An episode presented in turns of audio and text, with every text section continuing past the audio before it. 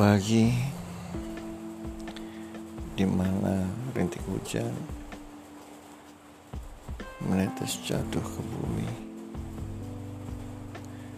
Rasa yang dulu hadir hilang semua. Kenapa?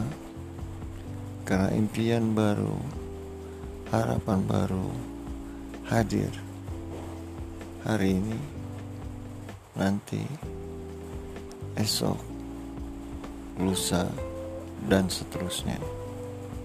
Jangan pernah berhenti untuk lakukan kebaikan, walaupun kemarin, sebulan kemarin, setahun kemarin, lima tahun yang lalu, kita bukan orang baik, namun berusaha terus ke depan kita harus jauh lebih baik dari kemarin.